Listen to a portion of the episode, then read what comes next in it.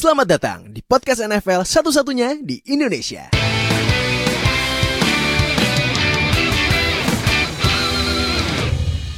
Balik lagi sama gue Fadil host kalian di Zero Knowledge Podcast. Dan sekarang kita lengkap Karena kita sudah masuk ke week 1 di season 2020 Yeay. Akhirnya ya. Akhirnya selama selama 17 minggu ke depan sampai akhir Desember atau awal Januari walaupun lagi pandemi gini kita nonton football setiap hari Jumat, Senin, Selasa. Mungkin nanti ada hari Minggu tergantung schedule ya. Nah, tapi nanti lihat aja ntar. Nah, balik lagi sama gue Fadil. Uh, sebelum kita mulai, uh, ini balik lagi nih sebelah kalau di sini sebelah kanan gue ya. Nih sebelah kanan gue ada Fadil Ohio. Balik lagi. Halo Fadil Ohio. Nah, Welcome back, welcome back. Nah, terus di bawah gua ada yang pasti uh, ini ya yang sering kalian lihat dan tadi gue baca komen ada yang ini ya, ada yang dap- ngasih kredit gitu ya. Wah, ini analisisnya Aduh, keren nih. Eh, ada Nuha. Halo, yes. Nah, sama di sebelahnya Nuha uh, balik lagi sama Oka. Nah, jadi Halo everyone. Uh, kita bakal bahas uh, ini podcast mingguan yang harus kalian tonton wajib kalau bisa sih apalagi kalian fans NFL di seluruh Indonesia. Tapi sebelum gua mulai lagi dan lagi dan lagi gua dan kita semua uh, terima kasih banget buat Mola TV. Thank you banget udah nayangin NFL di Indonesia. Eh berarti ini udah ada progres eh, bahwa ya sebenarnya NFL tuh bukan olahraga minoritas sih. Ya. Sebenarnya NFL banyak yang nonton, cuman ya ya maklum lah ya. Nyari temen kan susah ya. Apalagi lagi pandemi gini. Nah, sekarang Mola udah eh menyajikan NFL buat kita semua. Nah, jadi kit- jangan lupa nontonnya di Mola TV ya. Kalau mau celain bisa bisanya di ini NFL Game Pass. Nah, jadi gini, karena Mola udah nayangin NFL di Mola, nah mulai sekarang kan kalau kalian ngikutin podcast kita dari tahun kemarin kan pasti pada nyadar ya kan weekly review kita kan selalu semua match ya, sampai sejam gitu kan. Nah, ini mulai sekarang karena ada 6 sampai 5 match yang ditayangin Mola, kita bakal bahas yang ditayangin sama Mola aja ya. Yang nggak ditayangin kita quick update aja. Nah, yang ditayangin karena kalian nonton kita breakdown lebih detail. Oke? Para netizen, oke. Nah, jadi eh kita mulai aja nih buat weekly review yang pertama nih di week 1 perdana di eh, NFL Fans Indonesia. Yang pertama ini gue bakal quick update dulu ya buat semua skor-skor yang gak ditayangin sama Mola ya. Yang pertama ini Browns versus aduh. Aduh ada fans Browns. Aduh. Aduh. Aduh. Aduh ini kalau lihat mungkin agak-agak nge tapi nggak apa-apa. Eh, Browns versus Ravens, Brownsnya dibantai 38-6 ya ampun. Nih, nah ini nih deal deal deal deal deal deal. Deal, coba deal deal. Quick aja deal. Kenapa dia bisa 38-6 nih deal? Quick aja quick quick. Ayo, kualifikasi. Nah, coba dia. Aduh. Bus gitu. kah? Gitu aja sih. Apa namanya eh, kelihatan nggak siap memulai season dengan benar. Apa namanya kelihatan out of rhythm ya. Eh, Bakernya nggak kelihatan nyaman melakukan eh, apa ngontrol offense-nya. Dan memang eh, seperti kata Stefanski di eh, post game conference kredit buat Ravens yang memang mainnya bagus banget. Eh, offensively mereka eh, mainnya rapi dan defensively mereka bisa ngasih coverage yang menyulitkan. Meski eh, kerasa banget Mayfield dan beberapa throw yang gue rasa apa ya eh, miss gitu. Harusnya dia bisa perform lebih baik daripada itu. Tapi ya given all circumstances ya memang level eh, Browns sekarang masih ya segitu-segitu aja gitu. Ya, Ah. masih belum bisa saingan sama Ravens yang tahun kemarin contender dan belum bisa slow down Lamar yang tahun kemarin notably MVP. Jadi ya masuk akal lah. Mengecewakan tapi ya it is what it is. Oke oke oke oke. Nah, next eh, Jets versus Bills yang menang Bills 27-17. Ini gua update skornya dari ini ya. Kalau di website nfl.com/scores ini ada fact-nya Josh Allen itu jadi QB pertama dalam eh, QB pertama di Bills yang lempar 300 plus yards se- sejak week 16 tahun 2016 loh. Buset dah. Pertama kali loh nih 300 plus passing yards. Terus next ini eh, Raiders versus Panthers yang menang Raiders 34-30. Josh Jacobs kemarin 3 touchdown loh. Wow. Oh, Jadi gimana nih? Masih pada setuju Josh Jacobs snap uh, Rookie of the Year kemarin? Yang salah satu Josh Jacobs tapi yang menang si Kyler Murray gimana gimana? Sa- Salah satu aja. nggak terlalu uh, surprising sih sebenarnya pas call decisionnya. Cuman ya mungkin ada yang merasa bahwa kalau Josh Jacobs itu lebih berpengaruh sama Raiders ketimbang Kyler Murray kepada Cardinals. Tapi ya both Oke. uh, both are destined to be break in the breakout season sih musim ini. Hmm, Oke oke. Nah, next ini Bears lawan Lions menang Bears Trubisky. Nah, ini Trubisky QB idola kita semua. Tapi Trubisky ini loh. Trubisky, Trubisky ini 3 plus passing touchdown dalam 4 straight games lawan Lions loh. Nah, lumayan tuh. Masih ada positifnya loh dari Trubisky. Next. Nah, ini nih, ini yang mungkin di luar ekspektasi orang nih. Jaguars menang 27-20 lawan Colts. Minshew yang passingnya dari 20 kali lempar cuma satu yang incomplete loh. Iya, Gila. 19 kali masuk. Iya, Lebih 19 banyak. TD dibandingkan Lebih banyak. TD daripada incomplete. Nah, coba eh, coba deh Noah. No, no, gimana no menurut lo? No? Nih gimana? Gimana? Nih Jaguars wow, mengejutkan ya bisa ya walaupun skornya 27-20 tapi cuman kan orang pada ekspektasi Jaguars yang udah banyak buang pemain. Wah, bisa menangnya gini. Minshew-nya wah, gokil sih mainnya. Gimana menurut lo? No?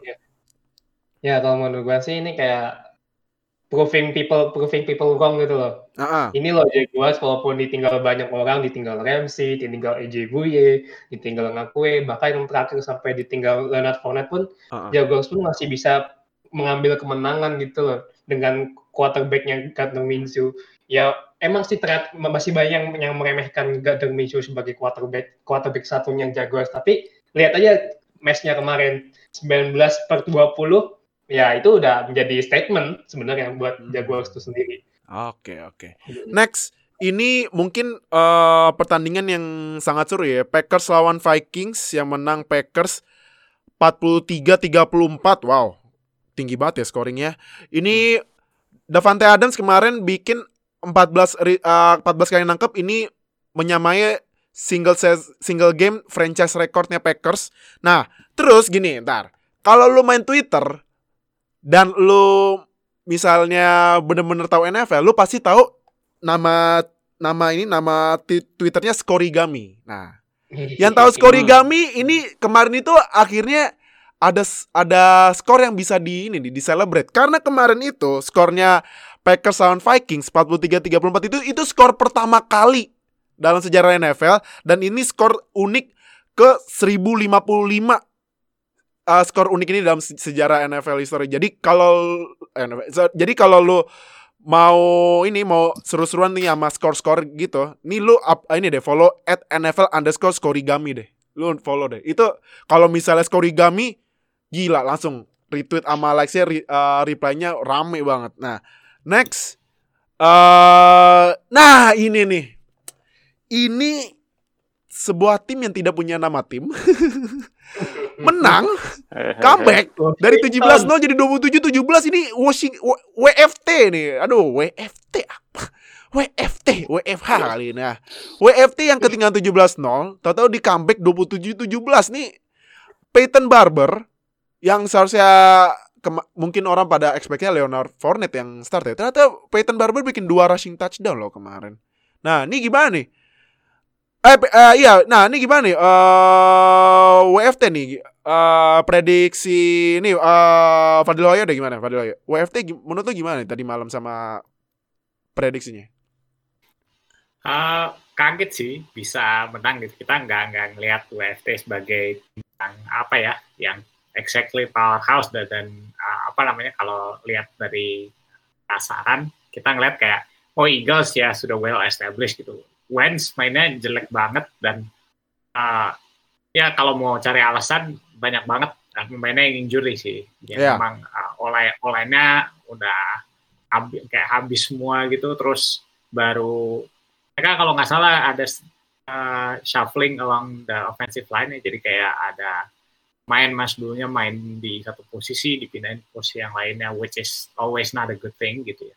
Bukan Hmm. hal yang bagus di posisi offensive line dan uh, apa namanya kalau mereka beneran harus bergantung sama Jalen Traeger rookie yang baru masuk itu kayaknya cukup berat gitu. Maksudnya apa beneran nggak ada pemain lain gitu sampai harus bergantung sama Traeger sebagai receiver. Hmm. jadi ya injury play a part tapi harus diakuin Eagles terutama Wentz mainnya jelek banget Hmm, oke oke oke. Nah, eh next ini eh kekalahan yang menurut gua sangat disayangkan disayangkan ya karena ini debutnya Joe Burrow yang di detik-detik terakhir eh detik-detik terakhir mau touchdown tiba-tiba katanya OPI AJ Green terus field goal field goalnya nggak masuk kickernya encok abis itu. Itu tapi tapi gue sih itu encok beneran sih. Masa eh, oh, nendang langsung ini langsung pura-pura encok kayak apa eh, kayak orang ini aja disalahin terus alasannya apa gitu. Nah tapi kalau ngelihat dari debutnya Burrow gimana nih menurut eh Oka? Apakah meyakinkan apa gimana menurut So far sih ya as expected from rookie ya, dia masih ada sedikit ya beberapa error sedikit dari dia, cuman nggak terlalu Hmm. fatal. Mm-mm. Mungkin juga nggak kebantu juga dengan Joe Mixon tadi sempat fumble Mm-mm. yang pertama kalinya sepanjang dia di dalam NFL Heeh. dan ini sebenarnya game yang winnable juga sih buat uh, Bengals, cuman ya namanya juga Bengals being Bengals ya, Uh, Iya, selalu iya, iya. ada ala selalu ada cara mereka untuk kalah Heeh. dan ya, ya, untuk untuk match pertama sih nggak uh, not bad lah cuman ya kita lihat aja ntar beberapa pekan ke depan Oke, nah ini fact-nya Chargers 3-0 dalam sejarah versus Bengals di week 1 ya, khusus week 1. Next. Ini nah, ini upset alert ini. Ini Cardinals yang ngalahin juara bertahan NFC West 49ers 24-20. Nah, No, gimana no, menurut lo? Eh performance-nya Kyler Murray dan DeAndre Hopkins yang kemarin eh new, new ibaratnya new uniform same DeAndre Hopkins. Gimana menurut lo? Ya, ini of course sih memang major, major improvement lah buat Kyler Murray dan Hmm. permainannya kemarin dia juga ya terlihat cukup impresif lah buat kayak di si sophomore seasonnya dia dia juga rushing yardnya juga lumayan dan DeAndre Hopkins pun dia menjadi target favoritnya Kyler Murray sekarang. Di- kalau nggak salah sih dari semua dari 16 kali eh sorry sorry 14 kali lemparan Kyler Murray itu ke arah Dea- DeAndre Hopkins. Dari ya dari 14 dari semua lemparannya Kyler Murray 14-nya ke arah DeAndre Hopkins. Berarti ya memang ini bakal jadi new new threat buat new threat duo antara quarterback sama wide receiver di NFC West. Oke, nah berarti itu pertandingan-pertandingan yang ini ya quick update yang nggak ditayangin mola. Sekarang, nah baru sekarang kita fokus ke yang ditayangin mola. Pertama, kick off pas hari Jumat kemarin Chiefs lawan Texans, Texans tim jagoannya Oka. Mukanya langsung berubah tuh. Langsung berubah tuh tiba-tiba. nah, mungkin dong. Iya, nah, nah, eh, kalau ini kalau gua kasih tahu statsnya kan skornya menang Chiefs 34-20 ya. Eh Chiefs Patrick Mahomes 32 kali lempar, 24 komplit, 211 touchdown, 3 eh sudah 211 passing yard, sorry, 211 passing yard, 3 touchdown gila, 211 pa- eh, touchdown. 211 passing yard, 3 touchdown. Nah, yang mengejutkan ini Ceh. Ceh, ceh, ceh. Baca gitu ya, Ceh. Yoi. Clyde Edwards Hilaire 138 rushing yard, satu touchdown. Terus uh, yang nangkep touchdownnya Mahomes nih Watkins, Kelsey sama Hill. Terus defense-nya bikin satu setengah, dua setengah, tiga, eh tiga setengah, empat sack.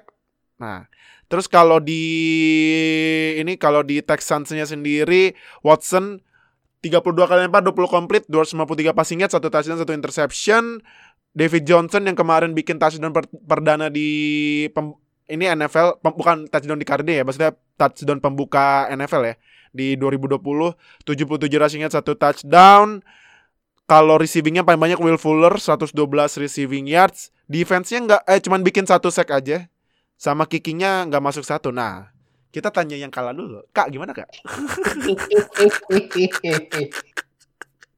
Bete dia. Kalian puas ya? Gimana gimana? Ah, nggak apa-apa, nggak apa. Jadi eh, setelah gue lihat em, waktu Texans lawan Chiefs kemarin, kelemahan paling utama masih sama dengan musim-musim yang lalu, masih Hah? di offensive line. Ah.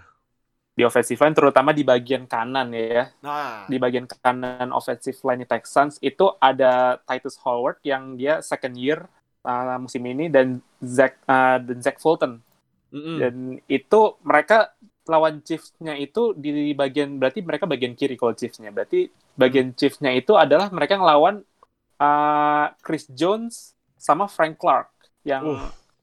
mereka adalah Pro Bowl mereka Iya, Pro iya. Bowler dan ya lawannya susah banget dan emang ex expected mereka juga kesulitan ngelawan mereka berdua ya bobol terus dari bagian situ dan Watson jadi kesulitan untuk em, coba improve permainan Mm. jadi makanya setelah mereka uh, touchdown pertama lawan eh, yang David Johnson itu, mereka langsung kebobolan sekitar 27 poin uh, unanswered ya. 27, uh, 27 unanswered poin. Dan ya baru bisa ngejar ya pas udah garbage time. Dan ya mau gimana lagi memang performanya lagi nggak bagus kalau untuk bagian offensive line-nya. Hmm, oke. Kalau Pedalaya gimana menurut lo? Nah, sorry Ya, sorry, sorry. sama. Mungkin gua gua konteksnya biar lebih fokus ya. Menurut lo, eh biar lebih enak bahasnya. Menurut lo, apakah kalau Mahomes kan dengan bayaran segitu ya lo lihat kan performanya kayak gitu kan ya? Oke. Watson dengan bayaran segitu, menurut lo gimana performanya?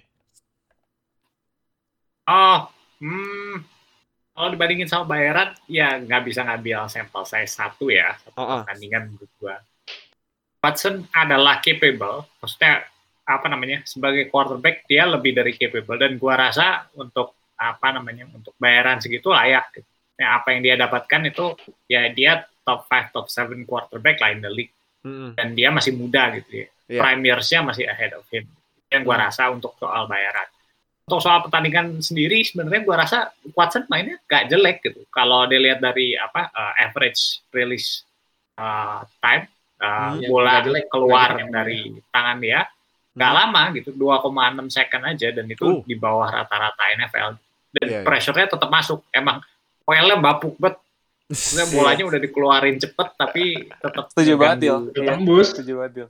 tetap tembus gitu tetap tetap mengganggu ritme dari offense ya dan apa namanya uh, wide receiver-nya juga nggak ngebantu gitu drop beberapa kali Mhm. terus ya apa namanya nggak nggak dapet gitu ritmenya as as uh, apa namanya as a team Uh, yang gue rasa perlu apresiasi uh, run game-nya Texans ya. Gue rasa bagus performanya Hmm. Uh, si Titus Howard-nya itu meskipun apa dia kewalahan ngehandle passing game artinya brutal bet lah. Di pass rush tuh kayak susah bet ngeblok DL-nya tapi di run game ya, ya bisa dilihat uh, bisa kebuka uh, apa jalan gitu. Jadi uh, sebenarnya agak agak dilematis juga ya buat Bill O'Brien. Gua rasa kalau run game mereka bagus oke lah tapi itu artinya mereka meninggalin investasi mereka di apa namanya di quarterback dan di uh, uh, receiver-receiver mereka yang banyak yang downfield-nya bagus gitu kan. Jadi ya ya sulit lah. Hmm, oke oke. No gimana menurut lo? Ah, gua sorry gua konteks. Ah, gua sekarang ini ya. Kan kalau kalian tahu kan Noah ini kan rookie analis ya. Gue mau gue mau tahu analisis itu terhadap Clyde Edwards Helaire yang kalau gue baca di NFL Vesindo dia katanya, wih kayak Eye Shield. Wow, mainnya kayak Eye Shield. Nah, menurut gimana? Gimana? Tentunya ini ya maksudnya as expected as he perform di LSU ya dengan dengan footworknya dia yang dia selama dia tunjukkan selama main kemarin Aha. itu memang udah menunjukkan kalau dia tuh bakal menjadi running back yang bakal bermanfaat buat Chief. Emang dia bukan running back running back yang paling bagus di rookie class 2020, Hmm. cuman Clyde Edwards Helaire ini menjadi salah satu running back yang paling cocok pa- paling cocok buat da- da- apa paling cocok dengan skemanya Chief. Mhm. Dia- dan Clyde Edwards Helaire memang cocok banget buat masuk di skemanya Chief yang kita tahu memang heavy heavy heavy passing dan sometimes mereka kalau misalnya udah buntu mereka bakal main main, main ini main rushing dan Hmm. memang dia cocok di situ dan statsnya dia kan ini ya 138 yard Satu terus touchdown. rushing rushingnya 25 yard terus satu touchdown Mhm. itu untuk ukuran rookie ya yang rookie di awal apalagi ini match perdana ya match kick off itu udah luar biasa bagus dan dia menyamai rekornya Saquon Barkley Saquon juga Barkley ya. ya ya as expected lah sebenarnya Oke oke. Nah tapi gue mau dari lagi. Kalau menurut tuh deal Clyde Edwards Heller bisa bagus gini, apakah dengan support OL yang OL Chiefs yang mungkin salah satu yang salah satu mungkin underrated kali ya. Nah atau apakah kalau gue baca nih ya, katanya Chiefs ini kemarin eh, rushing sama passingnya itu agak seimbang loh. Gak heavy passing, gak heavy rushing ya. Kalau kalau menurut Nggak, gimana? nggak. Apakah karena skema permainan yang berubah atau memang OL-nya yang bagus itu? Kalau menurut lu, Kalau menurut gua skemanya dominan ya. Eh, kemarin tuh ada backnya siapa ya? Antara Ben Baldwin atau orang eh, NGS eh, Next Gen Statnya dari NFL tuh mereka ngeluarin fakta bahwa eh, semua rushnya eh, eh, CEH eh, Edward Hiller itu eh, ada di posisi yang bagus. Artinya ketika bolanya dikasihin ke dia atau ketika Chief memilih untuk ngeran bolanya, mereka tuh milih situasi yang bagus. Mereka Hmm. run dengan 11 personel dengan tiga wide receiver biasanya kan, tight Iya, end hanya satu aja. Biasanya eh, box count-nya eh, kecil, artinya biasanya karena karena tim yang ngelawan Chief itu suka takut dengan Heeh. apa? Dengan Tyreek Hill Aha. dan apa Travis Kelsey di tengah gitu mereka biasanya pakai two high safety dan itu kelihatan di kemarin gitu. Jadi apa eh, Edward Schiller dapet carry yang enak-enak gitu. Nggak Iya, nggak susah gitu kan kayak kalau ngelihat apa namanya eh, David Johnson kan ngelihatnya kayaknya selalu ribut gitu. nggak Di usah gitu. gitu. Ya gitu. Nah, sementara eh, Edward Schiller gua rasa dapat kesempatan yang enak aja gitu. Lebih spread sets, apa lebih open gitu. Dan apa namanya? eh, menurut gua skill setnya pas karena eh, kalau mau diajak main passing juga eh, apa namanya? Dia bisa gitu. Bisa, Jadi benar. nggak eh, nggak nggak kelihatan jelas-jelas apa Chief dari awal oh ini mau running nih. nggak ada tendensi yang jelas buat defense yang nggak gitu. bisa dibaca. Iya. Jadi gua rasa uh, uh, Edward Schiller bagus, maksudnya dia nggak jelek mainnya. Mainnya kita bisa bilang dia mainnya bagus, tapi uh, mostly uh, production dia datang dari uh, well scheme offense dari Chiefs. Ah, oke. Berarti terakhir nih, oh Kak, Kak, kalau dari musim kemarin kan sempat disorot ini offensive coordinatornya eh Chiefs Eric Bieniemy kan katanya nih pelatih ini memang ada potensi buat jadi head coach. Kalau misalnya musim depan misal ya, misalnya what if ya kan sebenarnya sih sebenarnya sih emang what if itu kan memang tidak mungkin tapi sebenarnya topik yang sangat menarik kalau bahas what if ya. Hmm. Kalau nih, kalau misalnya Eric Bieniemy keluar dari Chiefs, menurut tim mana yang cocok? Bieniemy ini berarti uh, dia masih belum proven in terms of dia ngerancang pass offense ya. Nah, Hmm. walaupun dia udah ada Watson tapi sempat ada sedikit um, kesulitan juga terutama ketika ngelawan tim-tim yang sering make Hmm. uh, yang defense cukup bagus kayak Broncos waktu musim lalu terus habis itu juga uh, Jaguars waktu masih ya Hmm. masih ada Jalen Ramsey. Heeh. Jadi uh, untuk ukuran kapan dia bisa di hire ya dia bisa mungkin bisa dia pergi tahun depan dan tim yang mungkin bakal nge-hire ya tim-tim yang kemungkinan head coachnya mungkin bakal di fire tahun depan kayak uh, let's say Falcons atau mungkin Lions atau mungkin tim-tim lain yang mungkin tiba-tiba uh, uh, rekornya turun jauh. Ya kita lihat aja sih sebenarnya.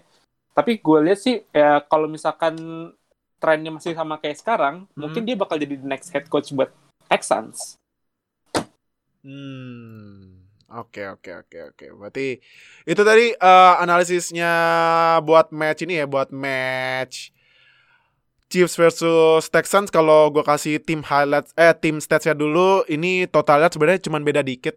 Eh, Texans 360 total, Chiefs 369 total passing yards. Tapi ini yang beda eh, Houston Texans allowed sack-nya 4. Jauh.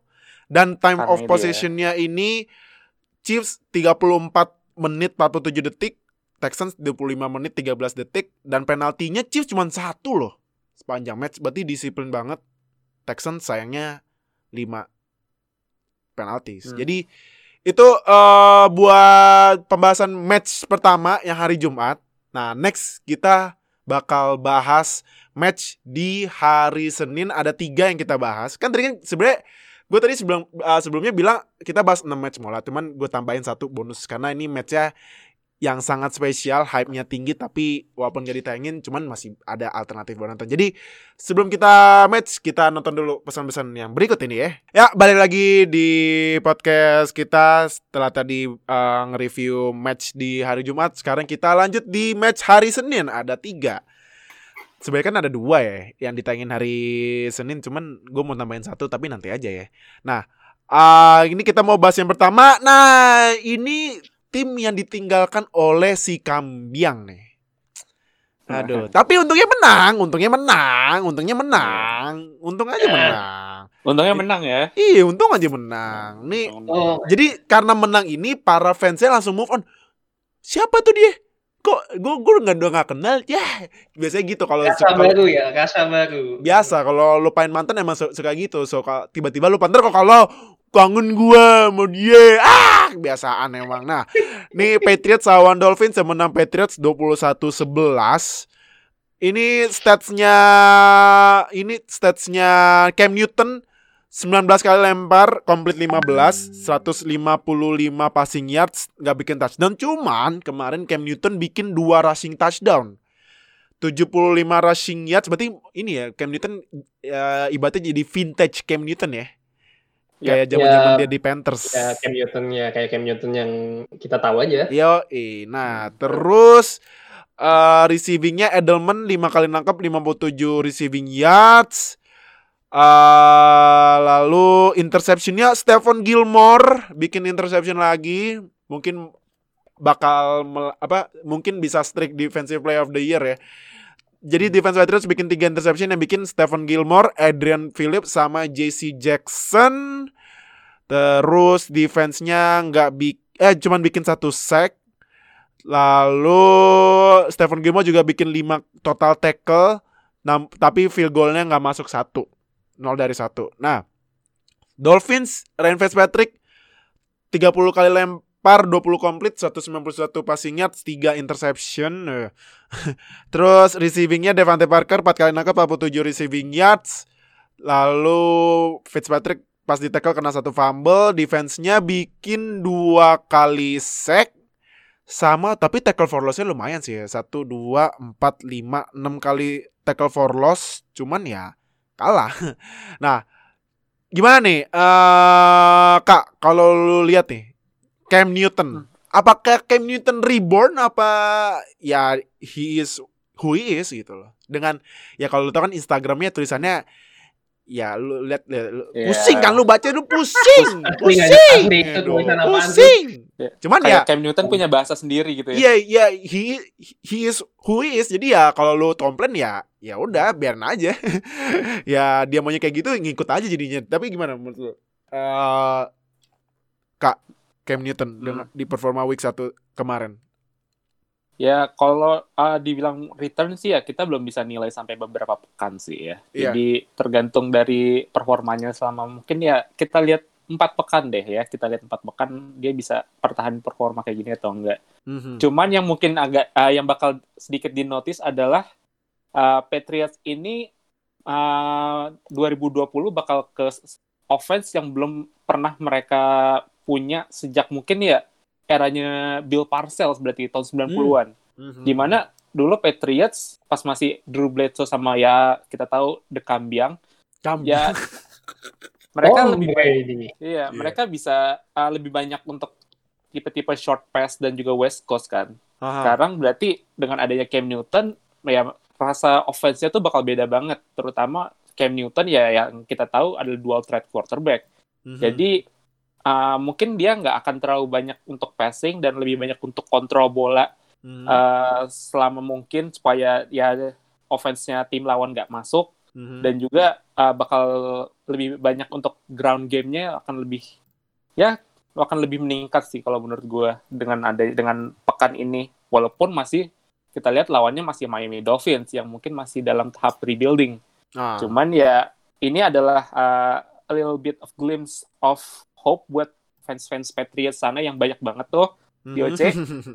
jadi ya optimis aja kalau Cam Newton tuh bisa bisa jadi penggantinya ya kalian tahu siapa ya Ah. Oke oke. Nah, Hmm.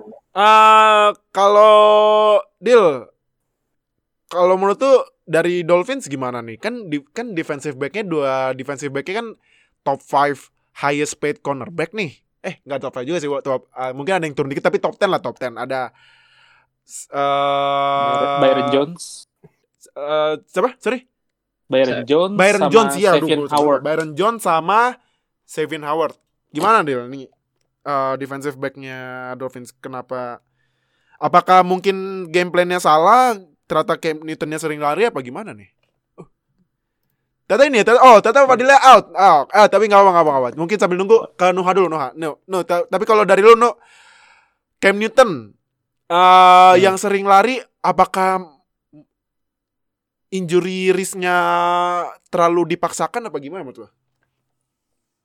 Well, injury risk itu sebenarnya kita nggak tahu ya itu bagaimana nanti. Cuman reaksi awal ketika gue nonton Patriots itu, ih, buset ini quarterback Patriots bisa lari sekarang. Ah, Itu reaksi awal pertama gue loh. Karena Hmm. jujur aja gue juga kaget sih ngeliat maksudnya dengan ya dengan datangnya Cam Newton ke Patriots itu menambah ability baru di offensive scheme-nya Patriots. Udah jelas itu dengan Cam, Cam Newton yang dual threat quarterback yang jadi bisa ngebuka sistem yang selama ini sam- sama Patriots nggak pernah dijalanin, yaitu dengan main rushing quarterback itu memang salah satu yang bakal mengejutkan di tahun ini sih. Dan Iya. gua rasa ya dengan gua ngelihat dari matchnya Cam Newton. Sekarang dia nggak trying to nggak trying too hard lagi untuk nggak trying too hard lagi buat rushing. Trying too hard di sini maksudnya jadi kan selama dia lepas dari pocket lari gitu kan, biasanya kan dia langsung nubruk-nubruk aja tuh. Iya. Nah kalau sekarang dia tuh mainnya langsung slide. Hmm. Jadi ya dia lari kalau misalnya ada ada linebacker atau defensive yang lagi mau coba ngehit dia, dia sekarang mainnya sliding. Mhm. Jadi buat ya secara langsung memproteksi diri dia sendiri untuk bermain lebih aman, lebih dewasa juga dalam main rushing dan menghindari cedera sih. Hmm. Jadi ada sedikit kedewasaan bermain lah dari Cam Newton sekarang di Patriots kalau menurut gue. Ah, oke oke oke. Berarti kalau ini Fadil Ohio apakah sudah join lagi? Fadil Ohio? Belum ya? Oke. Nah, ah, kita lanjut lagi kalau dari lo Kak. Hmm. Eh, tapi kalau Cam Newton kebanyakan lari gini, ini bakal ngefek jelek banget nggak ke receiving corps-nya Patriots? Kalau dari track recordnya dia di Carolina Panthers ya berarti uh, mungkin akan ada pengurangan di bagian produksinya untuk wide receiver. Uh-uh. Terutama karena dia mungkin nggak akan lempar kayak Tom Brady yang bisa 30-40 kali. Dan Mhm. mungkin ya uh, satu game paling banyak mungkinnya 25. 25 udah bagus lah, udah banyak. Mungkin dia um, akan seperti game-game ini sih, game yang uh, lawan Miami Dolphins ini terutama. Jadi dia mungkin nggak akan banyak lempar, Uh-uh. maybe 22 sampai 25 kali uh, pass attempts tapi akan lebih banyak mereka bakal utilize running game jadi buat yang kalau misalkan yang main fantasy ini um, coba uh, ambil kesempatan buat ambil running backnya Patriots Oh, kenapa? gue aja Kenapa, karena ya kenapa? karena dengan adanya Cam Newton ini bakal banyak Belichick bakal lebih banyak utilize running game terutama sejak 2018 kemarin mereka udah mulai banyak uh, kurangin workloadnya dari Brady jadi Mhm. dia nggak sebanyak lempar sebanyak ya sebelum-sebelumnya tapi lebih banyak mereka percaya sama running game-nya mereka Ah. Hmm. Oke oke. Nah, no. Kalau menurut lu dari defense nih gimana defense? Defense kan defense Patriots banyak banyak banget hilangnya kan. Kayak Calvin Noy pergi, Lando Roberts pergi juga. Dante ke High- Dolphins lah gitu Ah, ke Dolphins lagi. Nah, Dante Hightower opt out, Patrick Chang opt out. Nah, tapi apakah bakal ngaruh ke performa defense-nya Patriots yang musim kemarin gila banget itu? Well, ngaruh atau enggak sih sebenarnya mm, so far kalau di week one sih nggak terlalu berpengaruh ya. Cuman memang dengan absennya Dante Hightower, Patrick Chung sama hilangnya Calvano ke Dolphins emang mengganggu sebenarnya mengganggu front seven sebenarnya mengganggu front seven dari Patriots itu sendiri. Jadi kayak Mhm. dengan missingnya nama-nama besar itu Pat- front seven Patriots tuh ya kayak biasa aja gitu intinya. Sedangkan Hmm. kalau di defensive back ya itu one of the best di one of the best di NFL lah. Ada Hmm. ada Stephen Gilmore, Mhm. McCa- McCarthy Brothers itu udah one of the best. Jadi ya gua rasa mungkin untuk produ producing stats kayak sacks itu mungkin bakal menurun. Cuman kalau mungkin kalau kayak defending defending pass coverage yang yang eh, yang pokoknya yang tugasnya defensive back itu sih mungkin akan slightly improve karena workload-nya di front seven tuh nggak akan sebanyak seperti tahun lalu. Hmm, oke oke. Nah, eh ini ma- mungkin masih rejoin, cuman terakhir dari lu semua nih ya, apalagi kan buat para fans Patriots ya. Apakah Patriots masih bisa merajai AFC East atau ternyata sekarang it's Bills time gitu? Kalau Oka, short aja. Ini bakal jadi uh, closer game dari biasanya sih. Hmm. Karena um, kita tahu Tom Brady udah cabut ke Tampa Bay dan juga sekarang ini mungkin masa transisinya mereka dan Bills juga ini udah mulai menunjukkan ya taringnya ini sebagai tim contender. Hmm. Tapi kalau misalkan gue lihat dari schedule-nya kemarin, mereka bisa ya gain few wins dan mungkin bisa sneak into wildcard playoff. Tapi pick gue kalau misalkan harus milih siapa yang menang divisi, gue tetap pilih uh, Buffalo Bills. Hmm, oke. Nu gimana? Nu? Gua sama sih, gua bakal masih memilih Buffalo Bills karena memang ya hilangnya Tom Brady di khususnya di AFC itu apa, membuka jalan buat tim-tim lain untuk menguasai AFC khususnya di East juga dengan Josh Allen, dengan Sam Darnold sama mungkin nanti tua itu bakal membuka jalan untuk AFC East untuk menjadi juara. Tapi memang Bills sih bak- bakal menjadi kontender utama. Cuman kalau misalnya nanti Cam Newton tampil sesuai ekspektasi banyak orang Mhm. dan bisa membawa at least ke wildcard, I don't see why not gitu. Hmm, oke oke oke. Nah, next eh mungkin pada ya masih rejoin berarti kita langsung move on to the next match ya yang di hari Senin ini Falcons lawan Seahawks yang menang Seahawks 38-25. Tapi ini kalau gue lihat tim statsnya, ini eh sack allowed-nya ya sebenarnya sih ya kan Seahawks terkenal dengan OL yang sangat-sangat bapuk ya. kayak Iya. kayak bantal gitu Ah. sekali lewat udah lewat aja. Nah, cuman kemarin Seahawks ya allowed sack-nya 3. Falcons 2. Nah, tapi ini kalau gua cek lagi ternyata ini yang gue menariknya ini ya. Hmm. Seahawks menang, tapi total yards-nya Atlanta jauh loh. Seahawks total yard 383 total yards. Falcons total yards-nya kemarin 506. Wah, Ini ini passing yard kan? total Total yard. Oh, total. total. total. Ini Iya. sangat ya, tapi cuman kalau di breakdown lagi memang passing yards ya Falcons 434 passing yards, Seahawks 299 karena ya memang Russell Wilson kan memang ah, kalau passing yards nggak terlalu tinggi-tinggi banget ya. Cuman sih. ini kan memang rada aneh menang tapi totalnya saya lebih dikit gitu. Nah, Iya. terus ini kalau statsnya Seahawks Russell Wilson ek- efektif banget, efisien. 35 kali lempar, 31 komplit, 322 passing yards, 4 touchdown, 0 interception. Rushingnya juga, tapi rushingnya nggak ada yang nembus 30 yards. Malah leading rush, rushingnya itu Russell Wilson. 29 rushing yards. Terus uh, receivingnya 9 uh, DK Metcalf sama Tyler Lockett masing-masing 90 plus pas uh, receiving yards. DK Metcalf di 95 receiving yards plus 1 touchdown. Tyler Lockett 92 receiving yards. Chris Carson yang jadi yang running back satunya Seahawks dua receiving touchdown. Wow. Uh, terus Greg Olsen tight end barunya Seahawks satu receiving touchdown. Terus say, tapi Russell Wilson sekali fumble tapi fumble-nya nggak nggak fumble loss ya. Terus interceptionnya satu dibikin sama si Hawks. Jamal Adams. Nah, Jamal Adams yang kita prediksi bakal menurun ternyata dia mainnya kemarin gila loh. Maaf ya. Ya kan tapi baru awal. Nah, Baru, Ini- baru satu. iya. Nah, ini Jamal Adams 12 total tackle, 1 sack, 2 tackle for loss. Wow, gila Jamal Adams. Ngeri ngeri ngeri ngeri. Nah, terus eh eh, ini Bobby Wagner 7 total tackle, 1 tackle for loss. eh lalu di Falcons-nya ini Matt Ryan 54 kali lempar, buset Matt Ryan.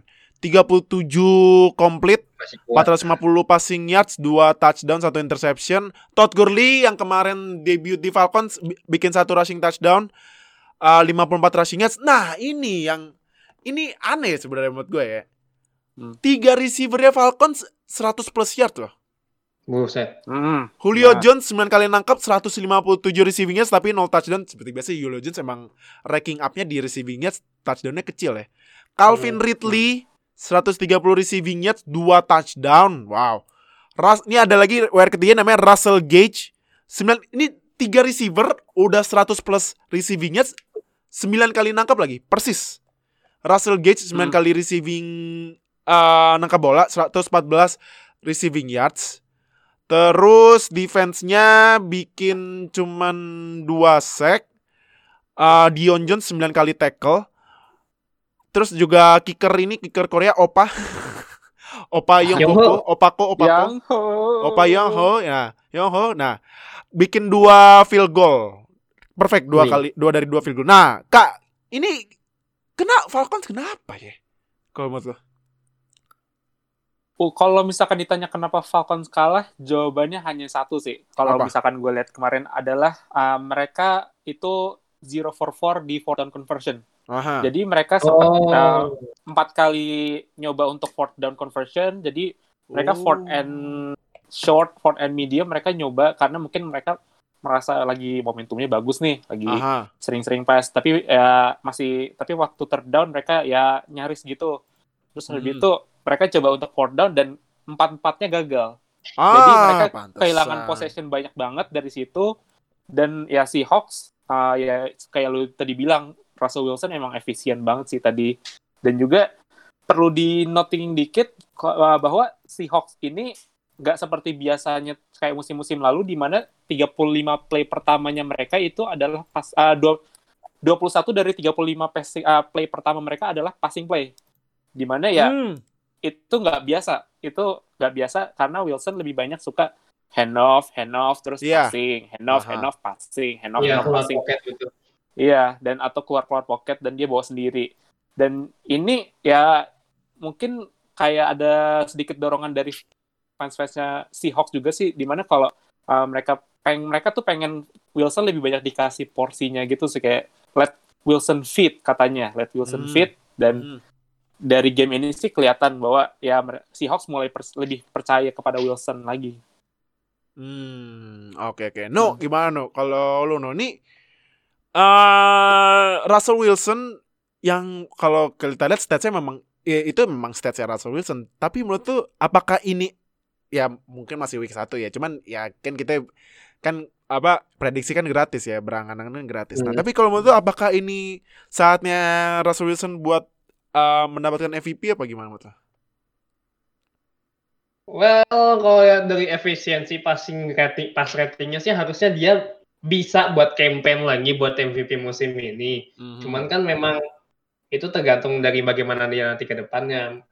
Ya, tahun lalu sih udah kita jelas lah dia memang menjadi campaign MVP contender. Cuman kan tahun ini kan situasinya berbeda dengan dengan jadwalnya si Hawk pun mungkin bakal sedikit keteteran juga dengan cukup ya dengan ketemu NFC West dua kali yang NFC West juga kan saingannya kan juga semakin bertambah lagi berta- semakin bertambah lagi kan powernya dengan Cardinals dengan Rams juga Mhm. ya mungkin bakal ya mungkin bisa MVP cuman ya tergantung dari law- lawannya sama saingannya nanti sih Hmm, oke oke. Nah, tapi kalau Kak, kalau menurut tuh kalau lihat dari receiving corps-nya Falcons yang tadi gue bilang tiga receiver 9, ri- 9 kali nangkep persis dan 100 plus receivingnya menurut lu nih apakah Falcons ada kemungkinan masuk playoff?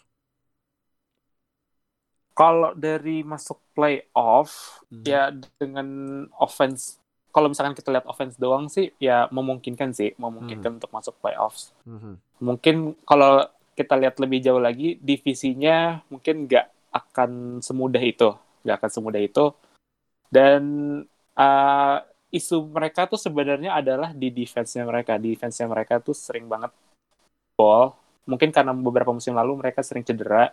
Dan juga ya um, dari NFC South sendiri pun ini offense-nya udah ganas-ganas kan. Udah ketahuan ini yang jago jago-jago semua. Dan Mhm. juga uh, kalau gue lihat peluang Falcons untuk masuk playoff, gue rasa agak kecil, lebih kecil dibandingkan Patriots tadi untuk Uh-huh. masuk playoff. Cuman uh, there's always a chance kalau untuk uh, Falcons. Asalkan ya mereka tetap stabil dengan offense dan defense-nya lebih improve lagi. Hmm, oke oke oke. Nah, terakhir eh kita bahasnya Falcons ya karena nih memang aneh nih sebenarnya Falcons. Tapi kalau menurut apakah Falcons eh bisa mencuri be- berapa menang gitu? Prediksi deh berapa Falcons bisa nyuri berapa menang nih di NFC South yang loaded banget nih. Kalau berapa nu kalau menurut lu? Seharusnya sih bisa bet better ya dari tahun sebelumnya. Soalnya Hmm. kan Matt Ryan juga terlihat impresif ya dengan passing akurasinya dia di week 1 terus dengan receivingnya yang tiga yang terbagi itu satu set itu memang buat gue sih udah cukup ya untuk bisa setidaknya 10 win lah. Hmm. 10 Setidaknya win ya. Kalau 10 win. 10 win. Oh, oke Iya, oke. 10 win. Tapi memang tergantung dari tim NFC South yang lain. Hmm, Gitu. Oke oke. Kalau kalau apa berapa tuh? Kalau kalau ini kan tadi kan total winnya ya Falcons ya. Hmm. Kalau menurut tuh dari 6 match di NFC South Falcons bisa menang berapa kali? Gue mungkin bakal uh, bisa ngeliat mereka menang dua kali lawan Panthers dan mungkin bakal uh, stall satu dari empat game lawan Buccaneers sama Saints sih. Jadi ya gue kira 50-50 split tiga lawan tiga tiga. Tiga tiga ya. Oke kalau gitu. Iya. Oke, berarti itu eh, buat bahas yang Seahawks lawan Falcons. Next kita ke match ke ini ini dia yang gue bilang bonus karena ini match yang hype-nya gede tapi ya walaupun gak disiarin tapi masih bisa nonton lah. Ini matchnya Buccaneers lawan Saints yang menang Saints 34-23 Yo. berarti Breeze versus Brady 1-0 buat Breeze. Tompan Ah, Tompa. Statsnya buat Saints Drew Brees 30 kali lempar 18 komplit 160 passing yards. Oh, luma- ke- lumayan kecil ya. Eh bukan bukan lumayan kecil buat standar Drew Brees itu kecil ya. Nah 160 passing yards 2 touchdown. Terus Alvin Kamara walaupun cuma 12 kali rushing dan 16 ri- rushing yards tapi bikin satu rushing touchdown dan Alvin Kamara kan kalau kita ketahui memang dia salah satu receiving uh, running back terbaik ya. Dia lima kali nangkep, 51 receiving yard, satu touchdown. Cuman ini Michael Thomas yang katanya cedera. Iya sih, ced- iya dia cedera. Tiga kali nangkep, 17 receiving yards. So, waduh. Nah, terus defense-nya bikin dua interception sama bikin 1 2 3 kali 3 kali sack dan 1 2 3 4 5 kali tackle for loss. Terus kalau di Buccaneers nih Tom Brady, Tompa Brady cie, Tompa Brady. Tompa Brady. Ah, ini dua eh 36 kali lempar, 23 complete pass. Terus eh 239 passing yards, 2 touchdown, 2 interception. Salahnya dua, sayangnya 2 interception dan salah satunya pick six. Aduh. Nah, Berarti iya. itu ibaratnya pick six-nya ini pick six-nya Tom Brady ibaratnya welcome to NFC South ya. Welcome to Ya. NFC South ini ya, buat welcomingnya ya. Nah, terus uh, next uh, statsnya Ronald Jones uh, 66 rushing yards, Fournette cuma 5 kali 5 kali lari 5 rushing yards saja. Terus Chris Godwin 79 rushing eh receiving yards 6 kali nangkep. Eh ini Mike Evans cuman satu kali nangkep dua receiving yards loh. Mungkin apa karena dipaksain cedera kan dia kan katanya cedera ya, tapi dipaksain main. Iya, benar-benar. Next, terus eh defense-nya nggak eh, cuman bikin satu sack Jason Pierre-Paul sama 2 3 4 5 6 8 9 kali tackle for loss loh, lumayan banyak. Kickingnya nggak masuk satu, dua kali nendang satu doang yang masuk. Terus kalau tim stats-nya ini beda-beda dikit, Buccaneers 310 total yards, Saints 21 271 total yards. Terus time possession-nya juga sebenarnya beda-beda dikit tapi penaltinya lumayan banyak sih. Buccaneers bikin 9 kali penaltis, Saints bikin 6 kali penaltis. Nah, gimana Kak? Menurut lo? Debut Tom Brady pasca meninggalkan Patriots.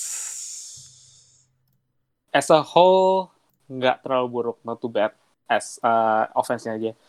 Cuman yang disayangkan ya tadi yang lu sebut tadi ada dua interception dari Brady Mhm. dan uh, ini mungkin sedikit uh, fakta dikit. Dua interceptionnya itu dua-duanya berujung kepada touchdown.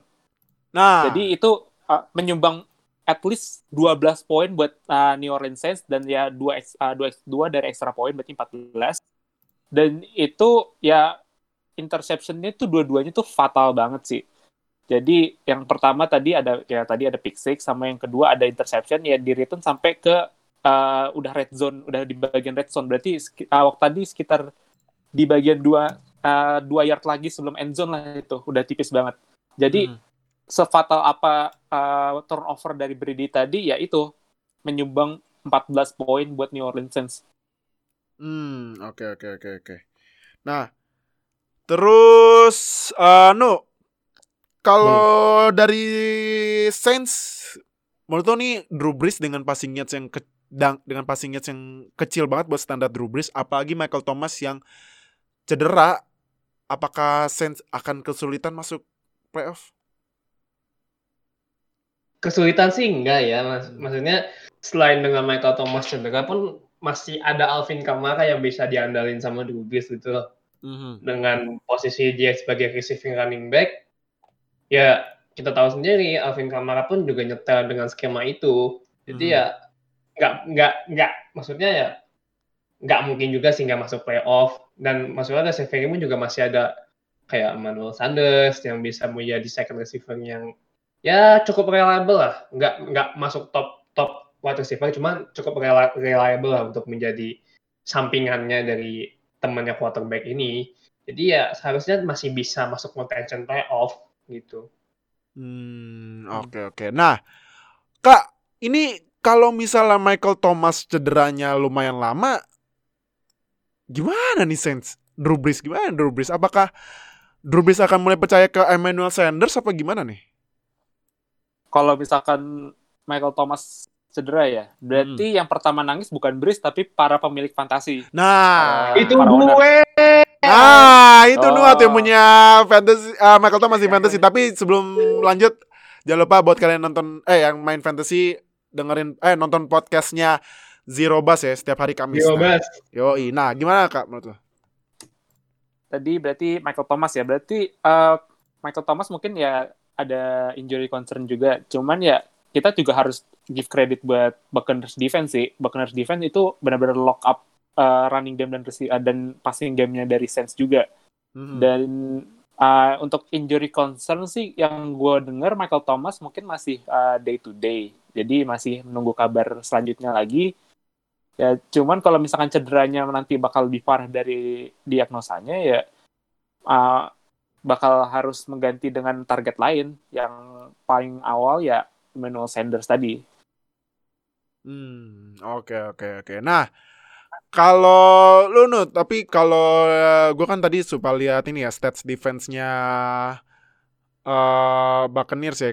Kalau di sini kan stats-nya itu di Buccaneers si Devin White kan sempet Devin White ini bikin Wah ini nih Hmm. duo linebackernya ini nih, duo linebacker Buccaneers nih.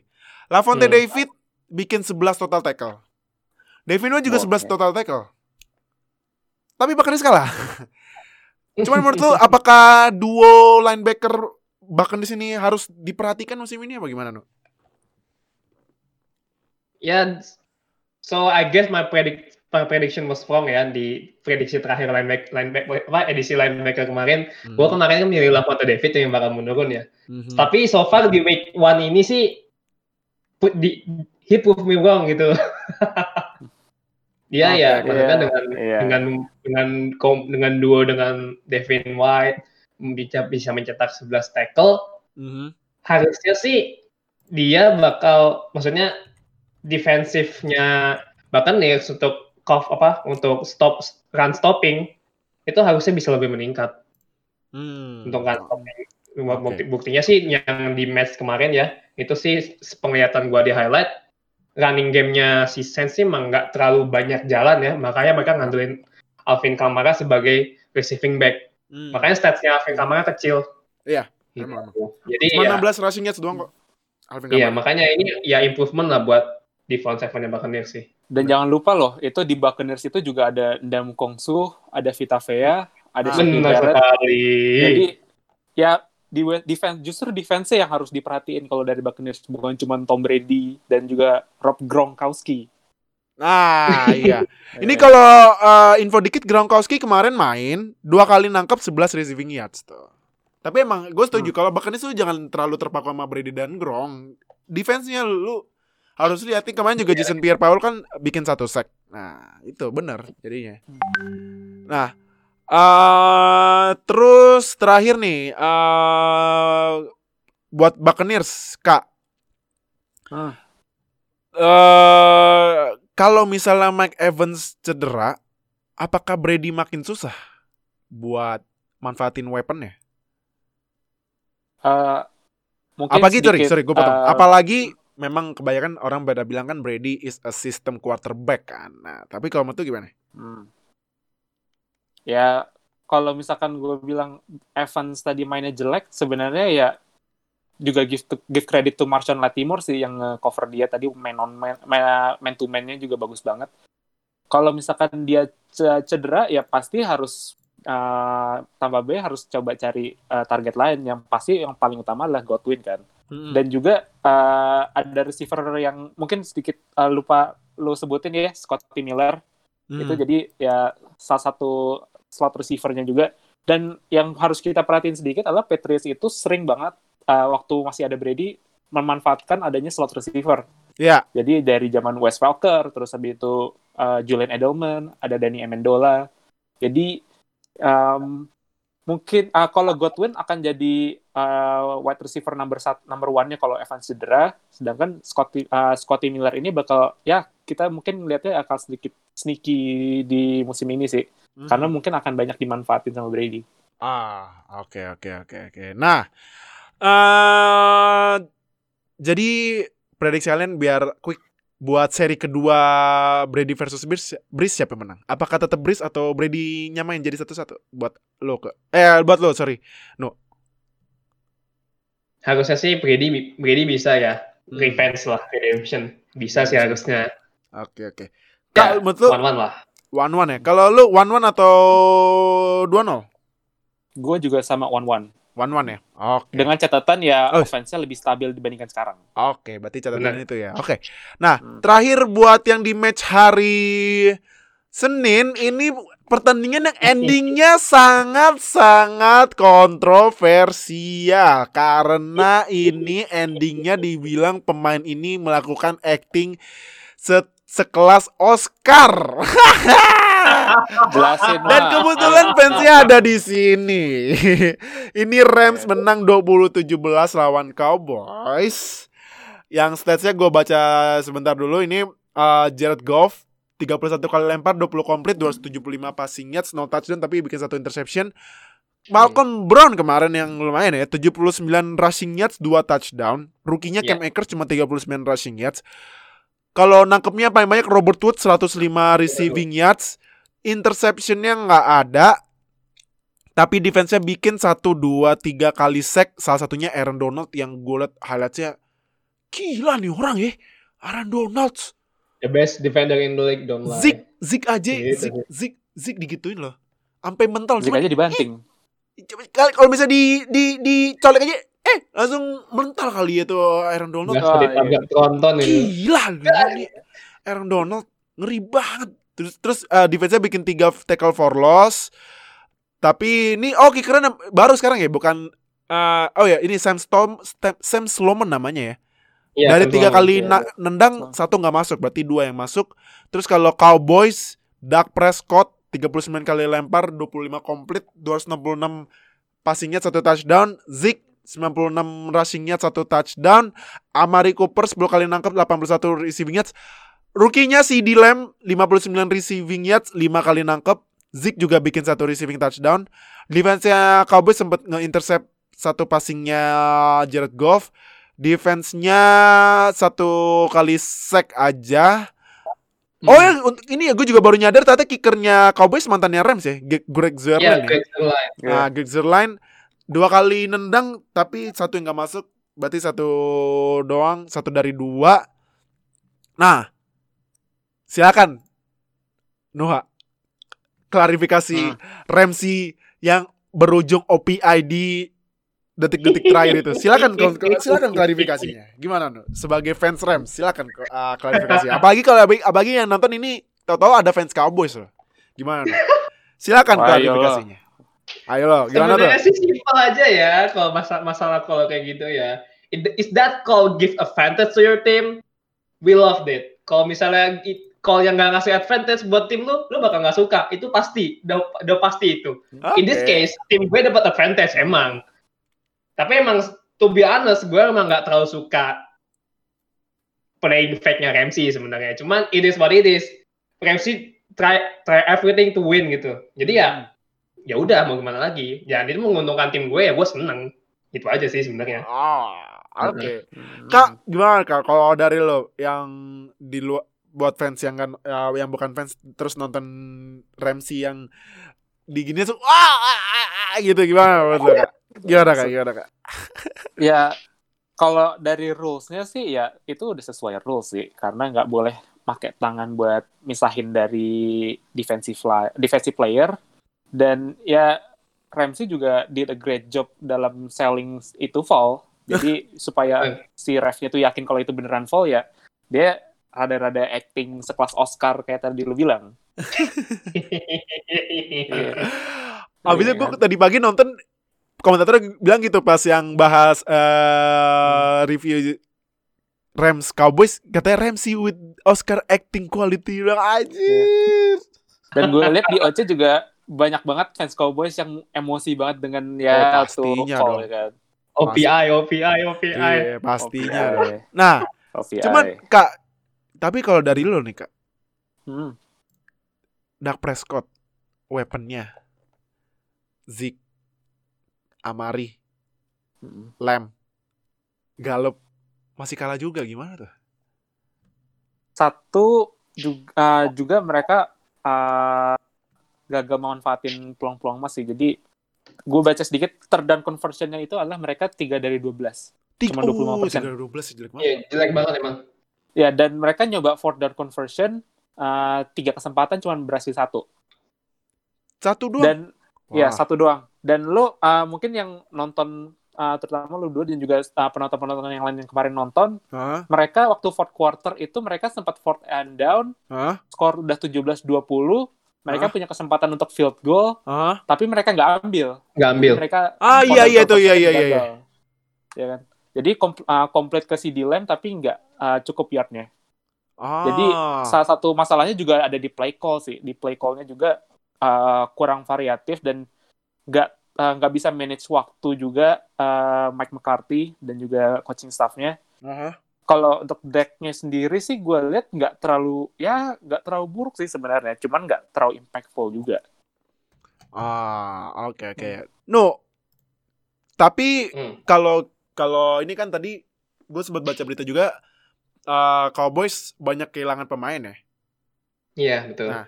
Eh, kayak contohnya Black Jarwin out for season, Terus Leighton Van Der Esch eh, IR. 7 sampai 8 minggu. Nah, Mhm.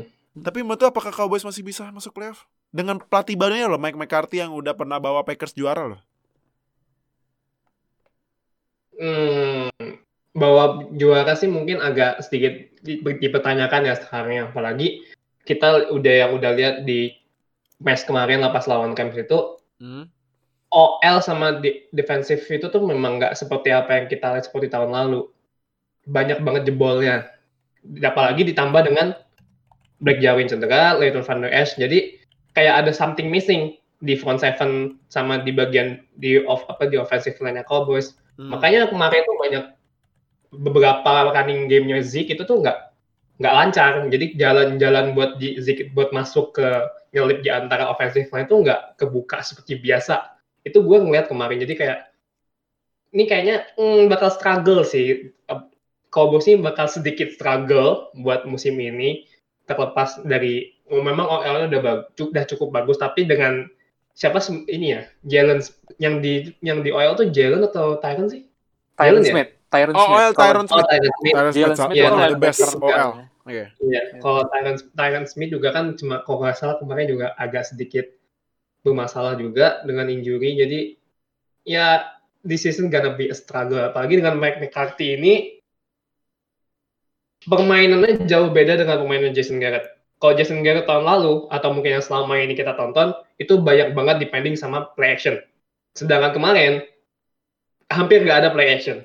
Hmm. Sedangkan play action itu memang udah cukup mem- cukup terbukti membawa Dallas itu Dallas Cowboys itu permainannya efektif.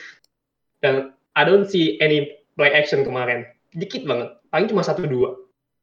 Dan itu ya, ya cukup sulit sih buat Cowboys buat ke depannya. Sam- Ya gue berharap sih enggak ya. Soalnya Cowboys ini memang ya dengan personal receiving corps-nya yang oke, harusnya bisa sih di nomor satu di NFC East harusnya ya. Ah, oke oke oke. Nah, tapi kalau eh nih kalau nih kok gua nggak mau bahasnya ke Noah nih. Gue maunya ke Oka nih Kak, tapi kalau menurut lu Rams apakah kembali ke playoff apa gimana? Dengan kemarin extend gue nggak mau ke Noah, gue gue maunya ke Oka nih. Nah, Kak, menurut lu gimana Kak? Eh dengan kemarin tiba-tiba kata Ramsey nih berarti Rams, eh, Rams matiin ini cap space yang extend pemain banyak banget Ramsey Cooper Cup di extend nah betul gimana Oh ya, by the way, Woods mau di extension juga loh. tuh kan Oh, gila loh nih Rams nah tapi gimana gimana gimana gimana gimana gue nggak bisa tahu cara mereka buat manfaatin cap space-nya itu. Jadi Oh. gimana caranya mereka extend uh, Robert Woods gue nggak tahu. Kalau masuk playoff, tadi kita udah bilang juga kasusnya sama kayak Seattle Seahawks ya berarti. Jadi divisi mereka tuh sekarang uh, luar biasa ketat. Terutama uh, Cardinals yang tadi lu bilang menang, Hmm. Seattle yang menang juga, ya 49ers yang nggak banyak berubah.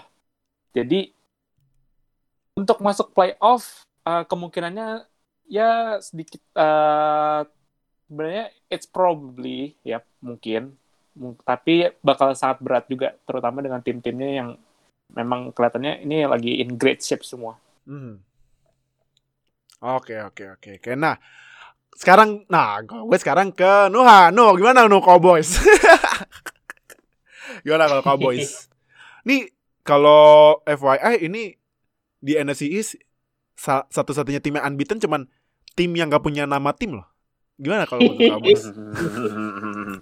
Well, harusnya sih dengan ya offense-nya yang dengan nama-nama yang cukup mentereng, dengan Hmm. defense-nya yang masih oke dan memang sih ku- kekurangan Cowboys itu ada di defensive back di bag- ya, di safety memang cukup kurang lah. Emang kemarin pun juga terlihat diobrak-abrik lah sama passing game-nya Rams itu bagian safety bagian safety sama cornerback memang diobrak-abrik lah. Jadi harusnya sih dengan di mereka fit the Zeke ya harusnya bisa membawa cukup lah membawa nggak fisik doang sih. Ya dengan Michael Gallup, Amari Ah. Cooper dengan si Lamb.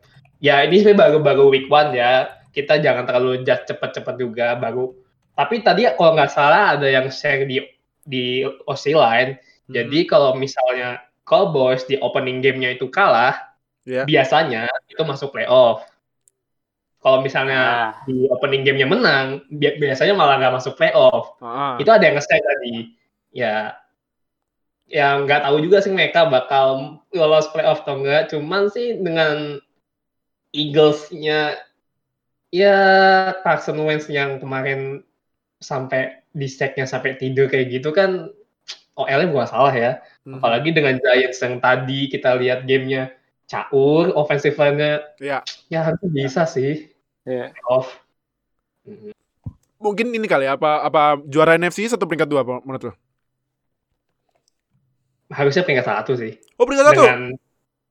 Dengan apa NFC East. Ah NFC East. Cowboys harusnya peringkat satu. Oh, oke oke Iya. oke oke. Oke kalau gitu.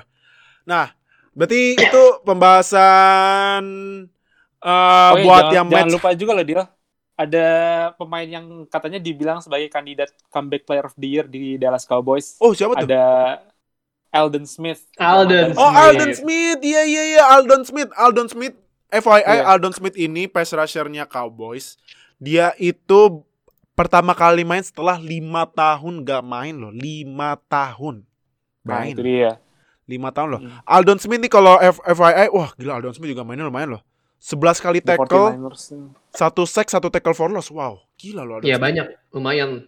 Main loh Aldon Smith kemarin. Berarti kita lihat nih apakah Aldon Smith bisa mencuri kandi apa comeback player of the year dari kandidat terkuatnya ada tiga ya ada Cam Newton, Ben Roethlisberger sama Alex Smith kalau Alex Smith main ya. Kita lihat ntar Aldon Smith. Jadi Hmm. itu pembahasan buat yang match hari Senin kemarin. Kita bakal lanjut pembahasan hari Selasa tapi kita uh, nonton dulu pariwara berikut ini ya. Ya, balik lagi di uh, Zero Knowledge Podcast di sesi terakhir kita membahas review setiap minggu setiap hari Rabu ya jangan lupa setiap malam atau eh setiap sore aja deh jam 5 biar enak ya. Nah, uh, biar sambil kalian pulang sambil dengerin ini dong podcast ya nggak? Karena podcast memang era terbaru sekarang Yo, di 2020 apalagi lagi pandemi.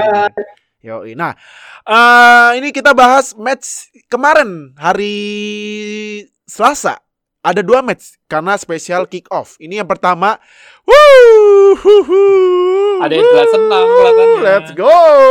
yang senang. Steelers. ada yang senang. ngalahin Giants 26-16 walaupun tadi pertamanya gua bingung nih kenapa Steelers mainnya gini banget kok Giants mimpin ternyata bisa eh membalikkan keadaan dan mempertahankan keunggulan nah eh ini kalau di statsnya Ben Roethlisberger yang balik lagi setelah cedera eh, out for season ya. Yang cedera menurut gua agak-agak mirip cedera pitcher MLB yang agak parah sih itu itu kemarin Ben 32 kali lempar, 21 komplit, 229 passing yards, 3 touchdown.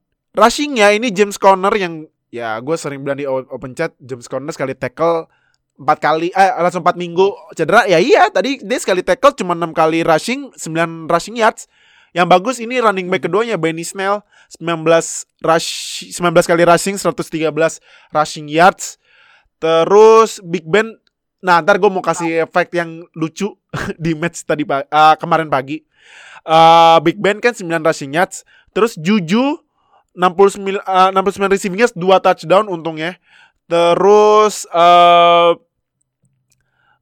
defense-nya bikin dua interception dan ini defense-nya yang interception juga bukan cornerback, ternyata yang interception ini defensive line sama linebacker Cameron Hayward sama TJ Watt. Terus Ah, eh defense-nya bikin 1 2 3 kali sack dan 3 5 7 8 9 10 11 tackle for loss. Wow, gila. 11 tackle for loss. Gue aja nonton emang seneng karena run defense-nya gokil banget tuh Steelers. Karena Hmm. kemarin itu Second Barkley cuman 6 rushing yards loh.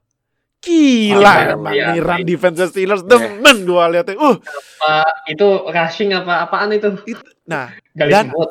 dan gua kasih tahu ini Second Barkley 6 rushing yards kalah sama Big Ben yang tadi 9 rushing yards loh. Ah, Saquon loh. What? Giants. Ganti nama deh. Wah, gila. Nah, Daniel Jones 41 kali lempar, 26 komplit, 279 passing yards, 2 touchdown, 2 interception. Dan Hmm. Daniel Jones juga yang mimpin rushingnya 22 rushing yards. Terus nah ini yang bagus Darius Slayton 102 receiving yards 2 touchdown. Second Barkley Iya. 6 kali nangkep 60 receiving yards.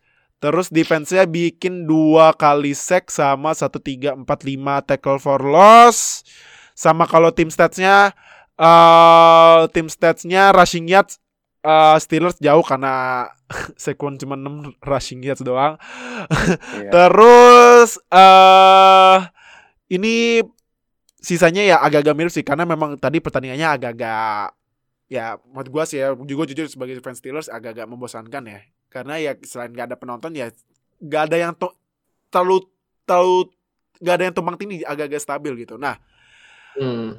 Apa yang mau ditanya ke gua? Karena kan gue fans Steelers. Tanya aja. Gimana reaksi lo ngeliat Ben Roethlisberger nih? Gue? Tiga touchdown. Iya. gue langsung. gini loh, gue jujur lihat Big Ben masih grogi, Pak. Karena gini.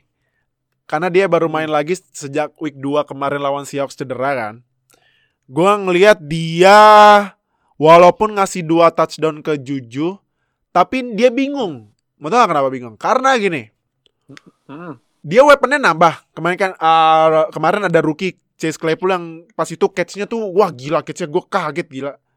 Iya benar. Catch-nya Iya. gila sih itu yang to to tap catch terus juga sekarang tuh yang gua kaget ternyata gua baca di depth chart itu WR2-nya bukan James Washington, ternyata itu Deon- Deontay Johnson dan kemarin Deontay Johnson yang kemarin bikin 57 receiving yards gak bikin touchdown James Washington yang gue kira wide- uh, bakal jadi WR2 ternyata jadi WR3 sekarang.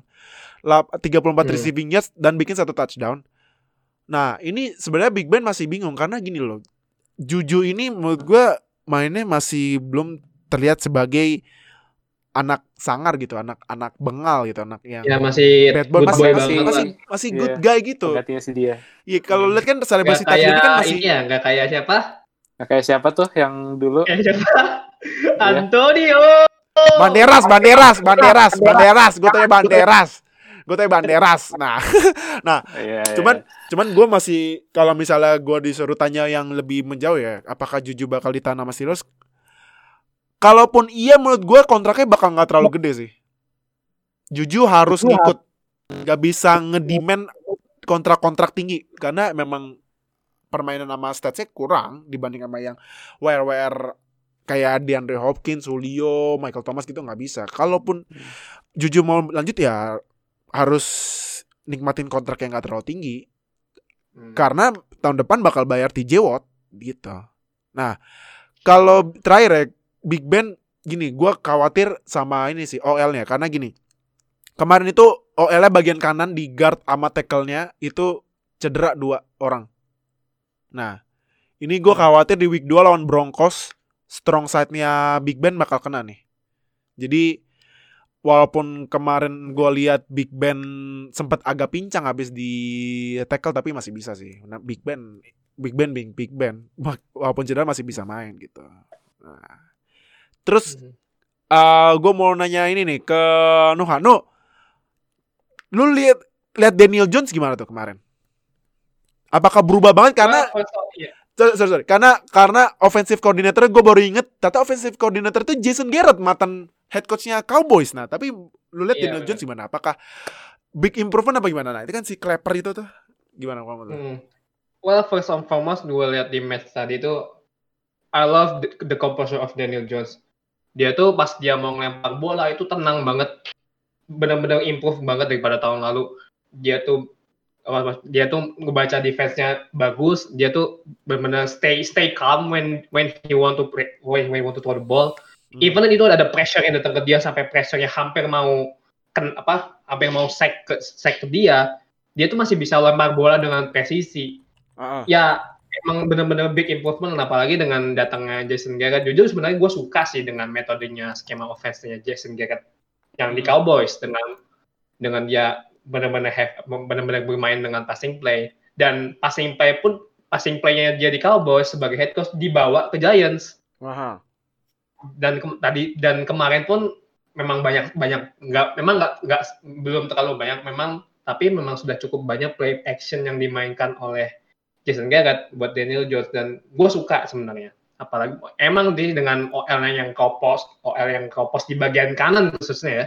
Kalau kiri sih memang udah terproteksi dengan cukup baik, cuman di sebelah kanan memang agak kropos.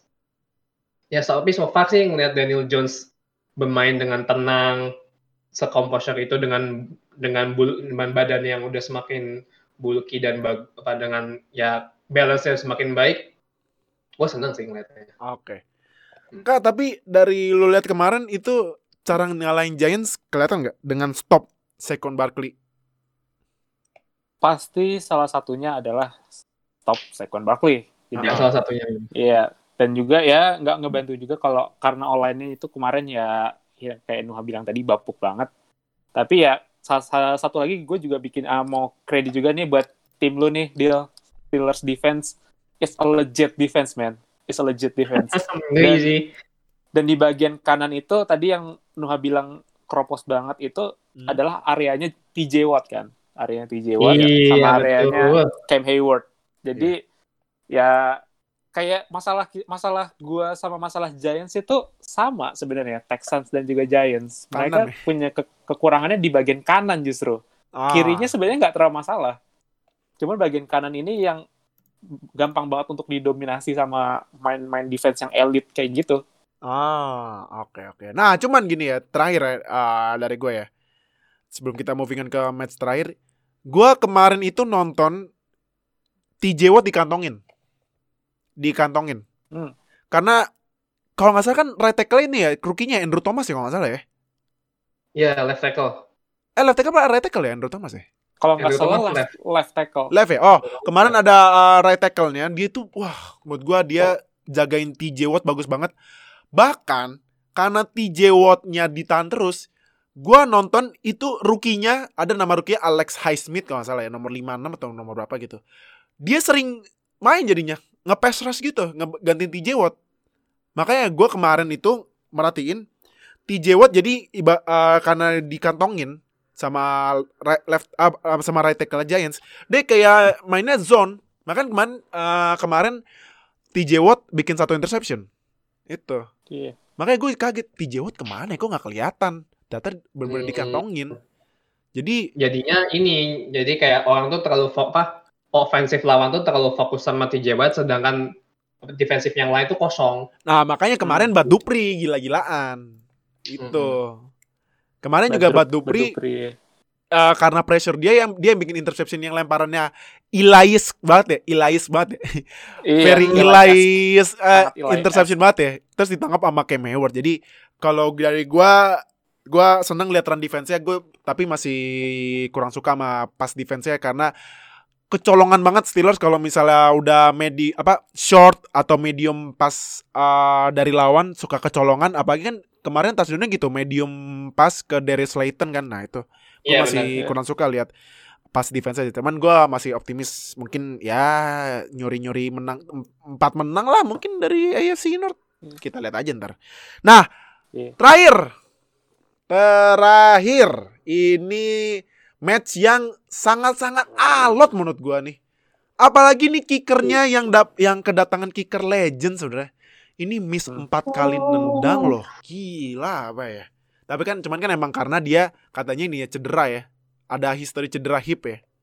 Hmm. Nah ini flexibility-nya terganggu betul. Iya, ini yeah. tapi untungnya menang. Ternyata dia empat kali miss nendang dia jadi hero-nya. Jadi jadi from zero to hero gitu. Ini Stephen Goskowski yang menang game winning field goal-nya Titans, menang Titans 16-14 lawan Broncos. Kalau dari statsnya ini Tannehill 43 kali lempar, 29 komplit, 249 passing yards, 2 touchdown. Derrick Henry, wow gila Derrick Henry, Derrick Henry. 31 kali lari loh, 31 kali. 116 hmm. rushing yards, Terus kemarin yang nangkap itu yang bagus Corey Davis. Kalau nggak yeah, salah dia uh, top dia dulu seven top of seven over uh, five ya? Fifth ya? Overall pick di 2017 ya? fifth overall pick. Fifth overall fifth overall, fifth overall pick di 2017 NFL draft. 100 fun fact dikit ya fun fact dikit. Itu uh, fifth overall pick dari yang dipick sama Titans itu awalnya adalah dari timnya Nuha. Oh iya yang buat, Rams. yang buat trade-nya Jared Goff Oh, iya, ini iya. fact yang sangat bagus ya. Nah, Dari ya. 2017 gak punya first round pick sampai sekarang. Wah, Nah. Sedih saya. Nih Corey Davis Ya, lanjut. serat- 101 receiving yards, 7 kali nangkep. Terus yang nangkep touchdown itu touchdownnya justru tight end ya. Jono Smith sama Pruitt namanya siapa nih? Jono Smith. Pruitt. Nah, terus Michael- uh, defense-nya bikin dua force fumble sama ini di J.D. Van Clowney kemarin ma- debut langsung bikin satu sack loh. Mantep ya. J.D. Van Clowney Iya. dan eh kalau ini sama kickingnya sih aduh Goskowski parah banget ya. Tiga field goal, satu extra point gak masuk loh. Caur banget. Caur banget Hmm. iya parah parah.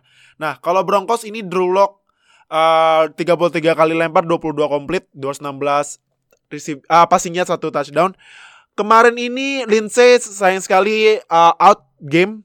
Uh, dia 24 rushing yards 7 kali lari. Melvin Gordon lumayan debutnya bikin satu rushing touchdown.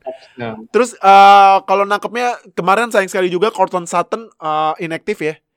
ya. Yang main rookie-nya Jerry Judy 4 kali nangkep 56 receiving yards tapi yang bikin touchdown ini tight end-nya Noah Fant 5 kali nangkep 81 receiving yards 1 touchdown. Drew Lock 2 kali fumble tapi nggak ada yang lost. Melvin Gordon yang satu kali fumble lost. Terus defense-nya bikin satu kali sack sama nggak ada field goal dan kalau di tim statsnya ini uh, third down efisiensinya Broncos 33% loh. Aduh. Nah, Hmm. Oh kak, gimana kak kalau mau tuh? Ini eh ke- kenapa ini Goskowski udah caur empat kali nggak masuk tapi bisa menang loh? Ya itu sih emang salah satu ya it what uh, what's beautiful about football ya. Jadi Hmm. bisa aja lo uh, no 0 for 4 di field goal tapi tiba-tiba jadi hero karena lo uh, masukin game winning field goal. Iya. Dan sedikit lagi fun, uh, fun fact about Titans musim lalu mereka uh, adalah field goal unit terburuk di NFL. Hmm. Betul. Jadi satu mungkin ada pengaruh juga di situ untuk Goskowski. Kedua yang tadi lu bilang tadi ada injury juga dan itu Hmm. bisa injury-nya itu injury yang krusial juga di bagian hip ya, berarti paha. Dan itu eh, ya mungkin pengaruh juga sama gaya nendangnya dia, jadi mungkin nggak enak. Dan ini sebenarnya untuk game ini lebih kepada defense-nya yang show up semua sih dua-duanya Hmm. terutama kalau dari Broncos tuh ada Alexander Johnson ya. Alexander Johnson ini harus keep watch uh, he uh, watch, keep watch him play. Dia linebacker Broncos dan kemarin mainnya bagus banget. Hmm. kalau Titans uh, ya tadi lu bilang Jadavion Clowney terus habis itu ada Kevin Byard. Terus ya walaupun Titans kehilangan beberapa pemain inti di defense yang musim lalu bersinar kayak Logan Ryan kayak ada Wesley Woodyard tapi mereka masih tetap uh, as strong as ever sih ini Hmm. strong as ever dan ya em, it shows uh, in match tadi Oke oke oke. Nah, no, tapi walaupun Broncos kalah, apakah dengan offense yang termuda di NFL ini bakal eh ini nyuri spot di playoff apa gimana? Di AFC West. Well, kalau dia dari Drew Lock sendiri, gue ngelihat Drew Lock kemarin itu di match itu dia cukup composure ya, maksudnya dia bisa melawan pressure yang datang dari dia. Beberapa beberapa pas sih memang ada beberapa yang incom- in- incomplete dan lemparnya kejauhan. Itu karena memang ya mungkin baru pertama bukan baru season awal ya. Jadi masih belum terbiasa dengan melihat skema offense, skema defense-nya. Tapi so far sih ngeliat performa dulu buat gua sih acceptable dan memuaskan sebagai franchise quarterback Broncos ya. Ya. Dan dan juga gua mau ngasih sedikit kredit buat Jerry Judy dan dia tuh rilis larinya tuh benar-benar asik banget dilihat. Kalau misal kalau misal dia mau rilis lari terus habis itu dapetin bola, cara dia untuk melepaskan kakinya itu benar-benar enak banget dilihatnya. Jadi Hmm. nggak heran sih kenapa dia jadi high value high value high value dia dapat high value di rookie class tahun ini Hmm. kayak gitu dan tapi ini yang gua menjadi agak sedikit concern nih di match ke depan Hmm. di match week kedua ini lawan Steelers Iya. Hmm. ini gua gimana nanti OL ini menahan menahan serangan-serangan gempuran dari defense di front seven Steelers dan gua rasa sih harusnya bisa ya Tapi menurut gue sih masih ada sedikit kelemahan Broncos tuh di left tackle-nya. Hmm. Garrett Bowles tuh nggak terlalu bisa untuk perform seperti apa yang diharapkan ketika dia di draft tahun 2017 sih. gitu. Hmm, Oke oke oke. Nah terakhir dari Oka Kak Goskowski Goskowski dikat aja apa gimana? Lo? Stephen Goskowski. Menurut lo gimana kak? Apakah dikat aja apa gimana? Oh, mungkin ini ya. Eh ke Nuha dulu, Nu. Menurut lo gimana, Nu? Stephen Goskowski dikat aja apa gimana? Ya harusnya masih bisa dikasih chance lah. Maksudnya dengan ya Gotkowski itu punya cedera dan kena ya harusnya sih masih bisa untuk dipakai at least dievaluasi sampai 4 match. Kalau memang nanti bakal banyak lebih banyak lagi miss field goal-nya kayak yang udah terlihat kemarin. Ya goodbye sih kalau menurut gue. Goodbye ya. Kak. Heeh. Oh, Kak. Hmm. Gimana, Kak? Hmm. Goskowski cut aja apa gimana? gue nggak akan uh, langsung milih untuk cut kalau gue sebagai GM sih. Gue akan tetap uh, pertahanin dia at least untuk 2-3 game. Hmm. Kalau misalkan performanya ya masih kayak gini, masih sering miss field goal yang sebenarnya harusnya makeable, ya harus di-cut memang. Hmm, oke oke. Karena memang kicker Hmm. memang pekerjaan yang ini ya berat ya di NFL ya. Kalau nggak masuk cut Pekerjaan udah yang complicated, iya complicated banget loh itu. Jadi Iya. sekali gagal, lu bisa kena marah semua entire fanbase. Iya sih benar benar benar benar. Apalagi kayak yang Iya. double doing itu. Aduh, diinget-inget lagi. Double doing. Eits, maaf ya, maaf ya fans Bears, maaf ya. Eh. Nah, jadi udah itu uh, review di week 1. Thank you banget uh, Nuha udah join. Yo, thank you, thank you, thank you. Thank you banget Oka udah join. Thank juga, sama satu lagi you. tadi uh, Bro Fadiloyo tiba-tiba uh, ini tiba-tiba out karena memang ada technical issue efek dari pandemi ini ya maaf ya. maaf, Ya, maaf, maaf, maaf, sorry, ya. sorry, sorry. Jadi thank you banget yang udah nonton di maaf teman-teman. Ya, th- thank you banget yang udah nonton di YouTube jangan lupa subscribe, klik lonceng sampai subscribe biar kita upload dapat notifikasi langsung nonton biar langsung update sama NFL di Indonesia. Yang dengerin di Spotify jangan lupa tetap uh, keep up to date sama Spotify kita, podcast kita. Dan satu lagi pesan dari kita kalau mau nonton NFL pastinya di Mola TV aja, Mola nggak di TV. NFL Game Pass. Oke, jadi thank you banget udah nonton, thank you banget udah dengerin. Stay tune di week 2 review minggu depan ya. Dadah.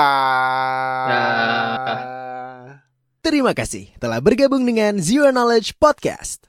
Follow kami di Instagram dan Twitter at NFL Fans Indo. Atau bergabung dengan kami di Line Square dengan keyword NFL Fans Indonesia. Sampai jumpa di podcast berikutnya.